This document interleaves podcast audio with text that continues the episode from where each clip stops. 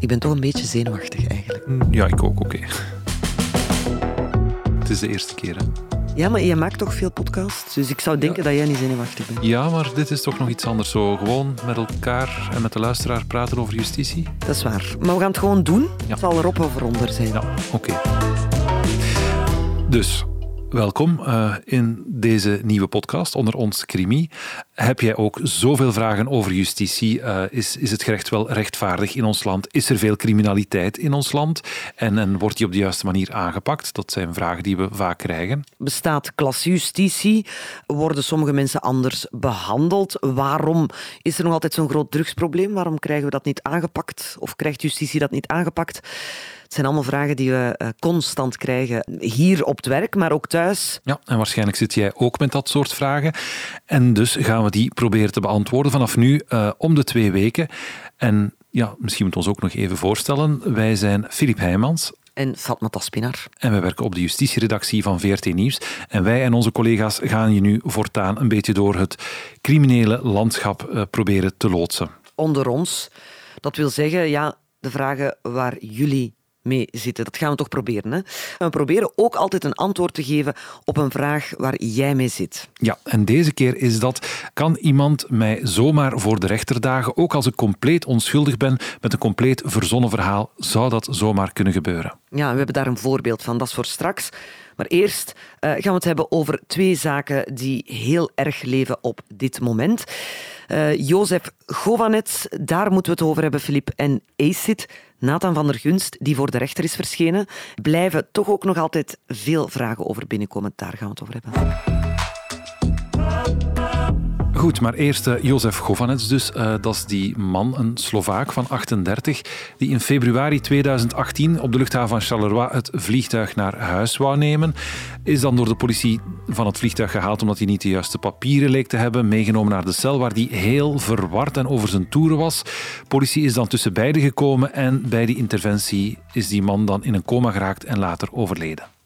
Ja, en daar zijn beelden van uitgelekt op een bepaald moment. Die beelden staan in ons geheugen gegrift. Mm -hmm.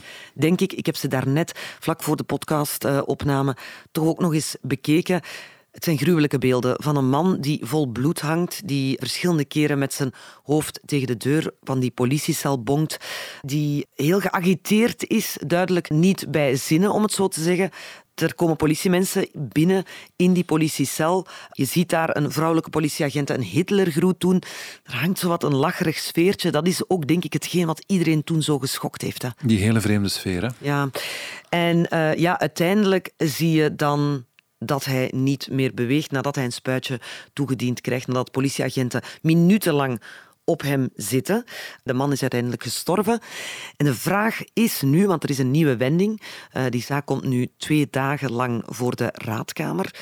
Uh, dat is een... Ja, dat is eigenlijk een, een, afdeling van de rechtbank die een, een soort controle doet om te kijken van kijk, wat heeft dat onderzoek nu opgeleverd? Zijn er hier aanwijzingen waaruit je kunt opmaken van hm, hier moet een rechtbank zich toch eens overbuigen? Dat is wat de raadkamer eigenlijk doet, beslissen of er een proces gaat komen. Ja, en wat er nu op tafel ligt, heel concreet, Filip, is is Jozef Govanets om het leven gekomen door verstikking, doordat die politieagenten minutenlang op hem hebben gezeten. Dat zou betekenen dat die politieagenten dan voor een rechter moeten verschijnen om zich daarvoor te verantwoorden. Anderzijds ligt er ook op tafel um, dat hij om het leven is gekomen door de verwondingen die hij zichzelf heeft toegebracht. Hè. Ja. Dan is het dus ten gevolge van dat hersenletsel. En dan zou niemand zich moeten verantwoorden voor de rechter. Ja, dat is een hele medische discussie die je daar dan krijgt. Hè. En een experts die eigenlijk lijnrecht tegenover elkaar staan. En eigenlijk was het van bij het begin al duidelijk voor het parket dat Govanets zichzelf om het leven had gebracht, per ongeluk weliswaar, maar door ze met zijn hoofd te bonken. Dus eigenlijk in 2019 was het parket klaar met het onderzoek. Zeiden ze, kijk, hier is niks aan de hand, hier hoeft niemand voor de rechter te komen. En dan heeft de weduwe van Govanets hier Belgische advocaten ingeschakeld.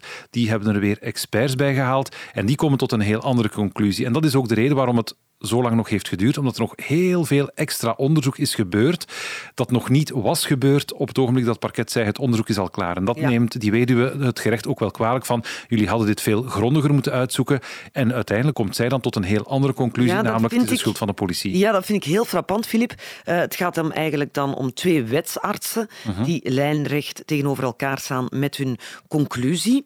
Uh, je zou denken, dit is iets medisch. Hè? Uh, het is iemand die gestorven is. Je onderzoekt dat. Je zou denken, je doet een autopsie en je ziet waaraan die man is gestorven. En toch hebben we hier twee wetsartsen die tot een compleet verschillende conclusie komen. Hoe kan zoiets? Ja, ik ben ook geen arts. Kan me nu wel voorstellen dat het misschien niet altijd 100% zeker uit te maken valt waaraan iemand overleden is. Maar dat soort discussie is wel opmerkelijk. In rechtbanken kan het wel gebeuren, bijvoorbeeld tussen psychiaters, dat, die, eh, dat je psychiaters hebt die voor het parket werken en psychiaters die voor eh, de verdediging werken en die dan zeggen deze man is toerekeningsvatbaar, nee, die is ontoerekeningsvatbaar. Dat soort discussies heb je wel vaker, maar dan gaat het over iets psychisch en daar ja, is het ook veel minder vaak zwart-wit.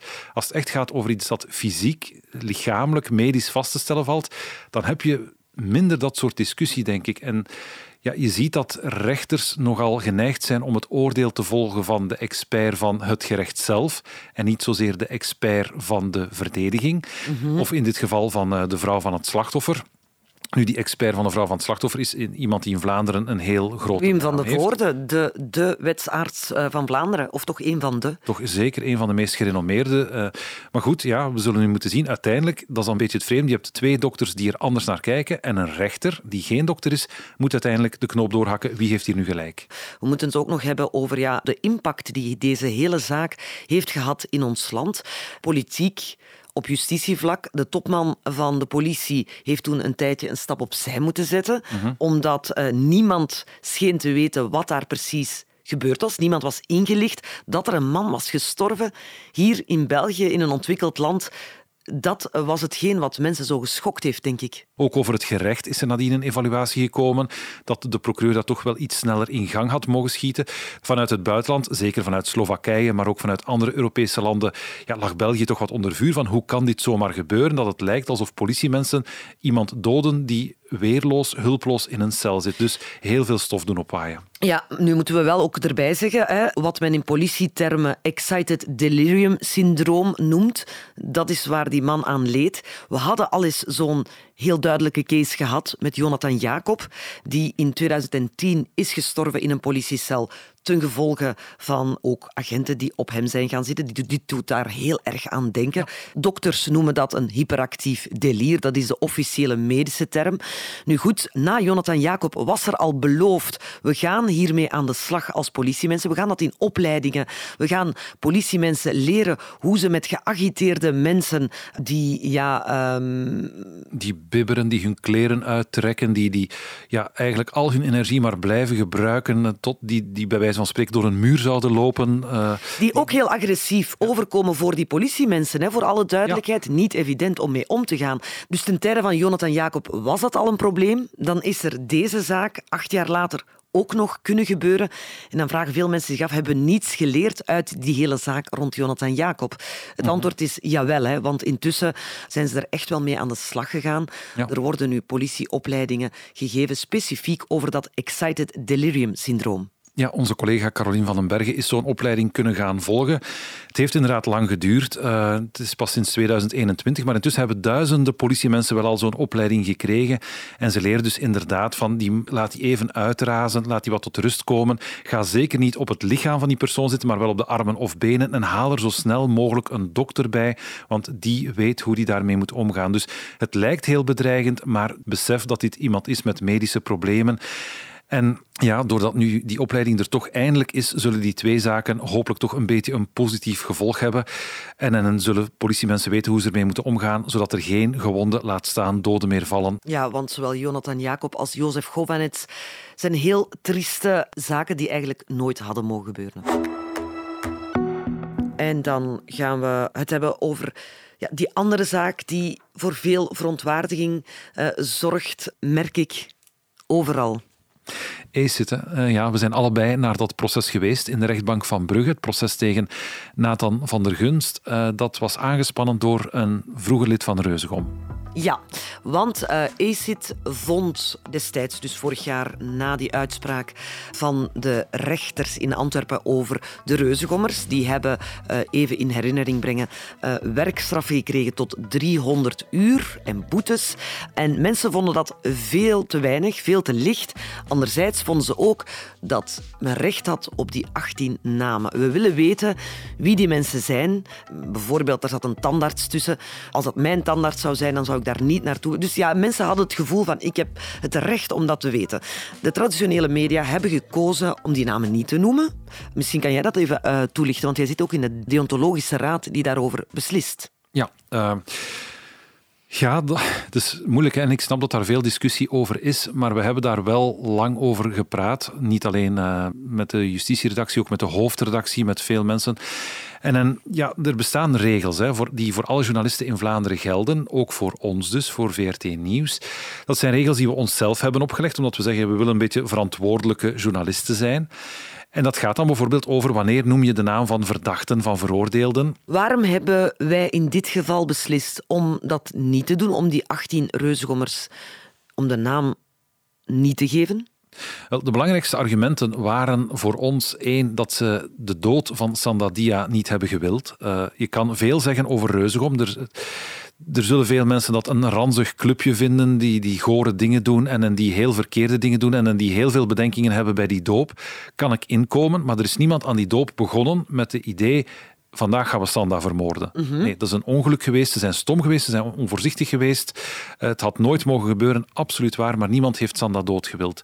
Twee, het Hof van Beroep heeft gezegd, we gaan hen een werkstraf geven, want we vinden dat ze terug naar de maatschappij moeten kunnen keren. En dat staat ook in onze journalistieke regels. Je moet er rekening mee houden als iemand terugkeert naar de maatschappij, dat hij ook een faire kans krijgt om zich opnieuw te integreren. Maar er zijn tegenargumenten, ik geef het toe. Het is een zaak die heel veel ophef heeft gegeven, die, die maatschappelijk een grote impact heeft gehad. De gevolgen waren verschrikkelijk voor de familie van Sandadia, zeker waar. En ja, ze zijn allemaal schuldig bevonden. Dus hadden we het absoluut bij het rechte eind door die namen niet te noemen. Dat durf ik niet te beweren. Ik denk dat je ook kunt argumenteren dat hij die namen wel had kunnen noemen. Ik denk dat je daarover kunt blijven discussiëren. Wat zou er gebeurd zijn als er uh, eh, 18 mensen terecht stonden die allemaal een andere achtergrond hebben, van migratieachtergrond zal ik maar zeggen? Als die feiten dezelfde zijn, dan zou ik hetzelfde erover oordelen, denk ik. Ja. Ik denk dat dat ik spreek voor mezelf, ik spreek voor VRT Nieuws, dat dat geen verschil maakt. En ook niet... Dat is wel wat mensen zeggen. Hè? Ja. Ik speel even advocaat van de duivel. Mochten daar 18 uh, Marokkanen hebben gestaan, ja, dan hadden we al lang en in breed hun namen geweten, zelfs nog voor het tot een proces was gekomen. Dat is wat mensen zeggen. Maar ik denk, en, en, en je zal nu misschien als luisteraar ook wel tegenvoorbeelden beginnen te zoeken. En er zijn voorbeelden van mensen die we bij naam noemen, maar ik denk dat het dan wel telkens gaat over mensen die bewust een misdrijf hebben gepleegd, een zwaar misdrijf hebben gepleegd als VRT Nieuws zijn we eigenlijk altijd heel voorzichtig in dat soort zaken. En dat zijn we hier ook geweest. Ik zeg het nog eens, we hadden argumenten om ze wel bij naam te noemen. Maar op een bepaald ogenblik moet je een knoop doorhakken en dan kiezen wij hier toch vaak voor de voorzichtigste optie. Ja, had je dit zien aankomen dat er zoveel reactie op zou komen? Want ik, ik voelde wel zoiets borrelen. Uh, ja, ja, Ik, en ik snap het ook. En, en die discussie is ook gezond. Hè. Ik vind wij mogen als journalisten ook wel eens. We doen niet anders dan mensen mhm. kritisch bevragen. Wij mogen ook kritisch bevraagd Absoluut. worden. Um, nu, ik vraag dat allemaal, Filip, omdat Nathan van der Gunst, ACID, dus vond dat wij geen gelijk hadden. En hij heeft dan op een bepaald moment beslist: ik ga wel die namen noemen, want de traditionele media die durven dat niet. Dus ik ga een aantal reuzengommers exposen, cancelen. Dat woord gebruikte hij ook. Maar een van die mensen, dat zegt hij er ook wel bij, uh, die hij noemt, uh, stond niet terecht op dat proces. En daarvoor is hij dus voor de rechter moeten verschijnen, omdat die jongen en zijn familie daar klacht ingediend, naar eigen zeggen, omdat ze heel veel schade hadden ondervonden. Dus je kan zeggen, wat ACID doet... ACID is eigenlijk een, en dat hoor ik heel vaak, is eigenlijk een Robin Hood. Dat had al veel langer uh, moeten gebeuren. Wij hebben recht op die namen. Goed dat ACID dat heeft gedaan. En dat hebben we ook gemerkt toen we in het gerechtsgebouw stonden. Hè. Daar waren... Uh -huh. uh, ja, stonden ontzettend veel supporters, fans van ACID, nog nooit meegemaakt. Er stond zelfs een 14-jarig meisje -huh. uh, dat aan het spijbelen was. Die had een ziektebriefje ingediend. Er waren uh, twee jongens die vanuit Mol helemaal drie uur naar Brugge waren gereden. En dan was er die jongen... Uh, Voel ik jouw gênant momentje weer aankomen? Ja, aan wie ik vroeg, uh, ben je hier met de hele klas? En hij zei, ik ben wel al 24. Ik dacht, dat is toch een mooi compliment? Dat je... ja, voor ons zou dat een mooi compliment zijn als je 24 bent. Ja, dat nog niet.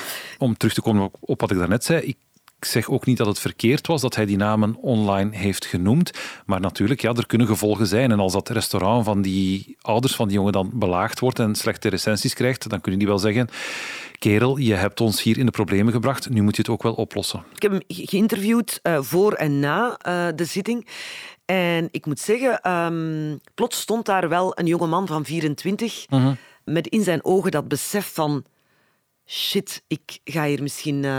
Gestraft worden? Ja, gestraft worden, eh, dat ten eerste, maar ook zware gevolgen van ondervinden. Hij had het gevoel van, ga ik straks nog kunnen doen wat ik het liefste doe, namelijk die video's maken. Daar gaat het natuurlijk niet over. Hè. Maar het is wel zo, hij riskeert tot twee jaar cel, een boete, uh, mogelijk ook, uh, als dat wordt toegekend, dan die schadevergoeding. 200.000 euro hebben die mensen gevraagd, omdat zij zoveel schade zouden geleden hebben door die video, doordat die duizenden, honderdduizenden keren is bekeken. Maar zover zijn we natuurlijk nog niet. Wat is de kans dat ACID ja, een celstraf krijgt, Filip. Ja, of zelfs, en dat, dat hebben we daar ook een paar keer gehoord natuurlijk, hè. mensen vragen zich af, kan die nu zwaarder gestraft worden dan die reuzengommers die verantwoordelijk zijn voor de dood van Sandadia? Het is eigenlijk een kromme vergelijking, maar ik begrijp wel dat mensen zo redeneren. Ja, klopt. En, en, maar dan ben je natuurlijk wel twee verschillende dingen aan het vergelijken. Hè. Want je vergelijkt de straf die hij in theorie zou kunnen krijgen, de maximale straf die hij in theorie kan krijgen, met de straf die de reuzengommers effectief hebben gekregen. En ik denk eerlijk gezegd, we gaan het moeten afwachten, maar als ACID wordt veroordeeld, dat is al één, maar als hij wordt veroordeeld, dat het eerder de richting zou uitgaan van een symbolische straf. Dat is ook wat het parket heeft gevraagd. Die hebben gezegd van kijk, als vertegenwoordiger van de maatschappij, het parket vertegenwoordigt de maatschappij tijdens een proces, vinden wij wel dat hij gestraft moet worden, dat dit niet kan, maar het mag een principiële bestraffing zijn. Dus ik denk die, die celstraf, die zware boetes, als die wordt veroordeeld, dat het uh, niet zo erg zal worden en dat het dus zeker niet zo zwaar zal worden of zwaarder dan de reuzengommers. Wat ik onthoud wel van heel deze zaak, Filip, ik vind het wel heel interessant om, om te zien ja, om te kijken naar die maatschappelijke verontwaardiging, dat engagement van veel mensen van ja, is er zoiets als klassejustitie, is er zoiets als klassemedia? Het heeft ons ook doen nadenken van, hmm, tja, uh, zijn we, reageren we heel anders in andere zaken? Heeft het daarmee te maken omdat het over 18 nette jongens gaat met, met ouders die misschien meer macht hebben dan andere ouders? Wij hebben er ook over moeten nadenken. Maar daar hadden we eerst niet voor nodig, want dat gesprek hebben we eigenlijk al gehad tijdens het proces, nog lang voor die video van ACIT is gekomen. Goed, uh, tijd voor uh, jouw vragen die we hier gaan beantwoorden. We hebben het over twee dossiers uit de actualiteit gehad, maar jij zit natuurlijk ook met heel veel vragen over criminaliteit, over het gerecht. En daar maken we ook graag even tijd voor. Ja, maar wij hebben natuurlijk nog geen vragen binnengekregen, want jij was nog niet mee dat wij er gingen zijn deze week. Daarom zijn we zelf eens gaan grasduinen door ja, reacties die wij uh, ja, dagelijks krijgen op onze website, op onze social media.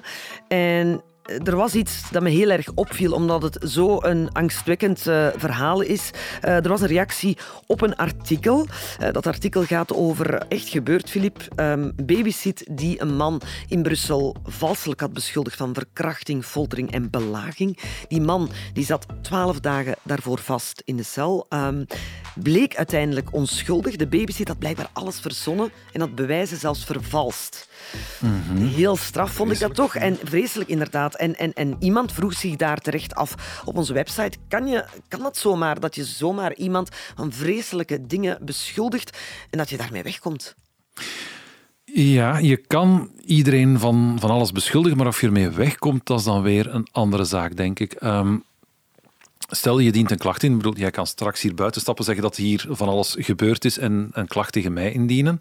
Maar uh, het gerecht zal dat natuurlijk beginnen te onderzoeken. En als dan blijkt dat er niks van aan is, en dat je dat bewust ook hebt gedaan, als, als ze kunnen bewijzen van kijk, je hebt dit gedaan om die persoon te treffen en je wist dat er eigenlijk niks van aan was, ja, dan kunnen ze ook tegen jou wel iets beginnen. Daar bestaan allerlei dingen voor, dat heet dan lasterlijke aangifte of tergend en roekeloos geding. Enfin, moeilijk juridische woorden, maar het komt erop neer dat als ze je erop betrappen dat je een valse aangifte tegen iemand indient, dat je dan zelf voor de rechter kunt komen en dat je dan wel een, een straf kunt krijgen, een gevangenisstraf of een boete. Ja, en dat is bij deze babysit voor alle duidelijkheid ook gebeurd. Hè. Er is een onderzoek gestart naar haar.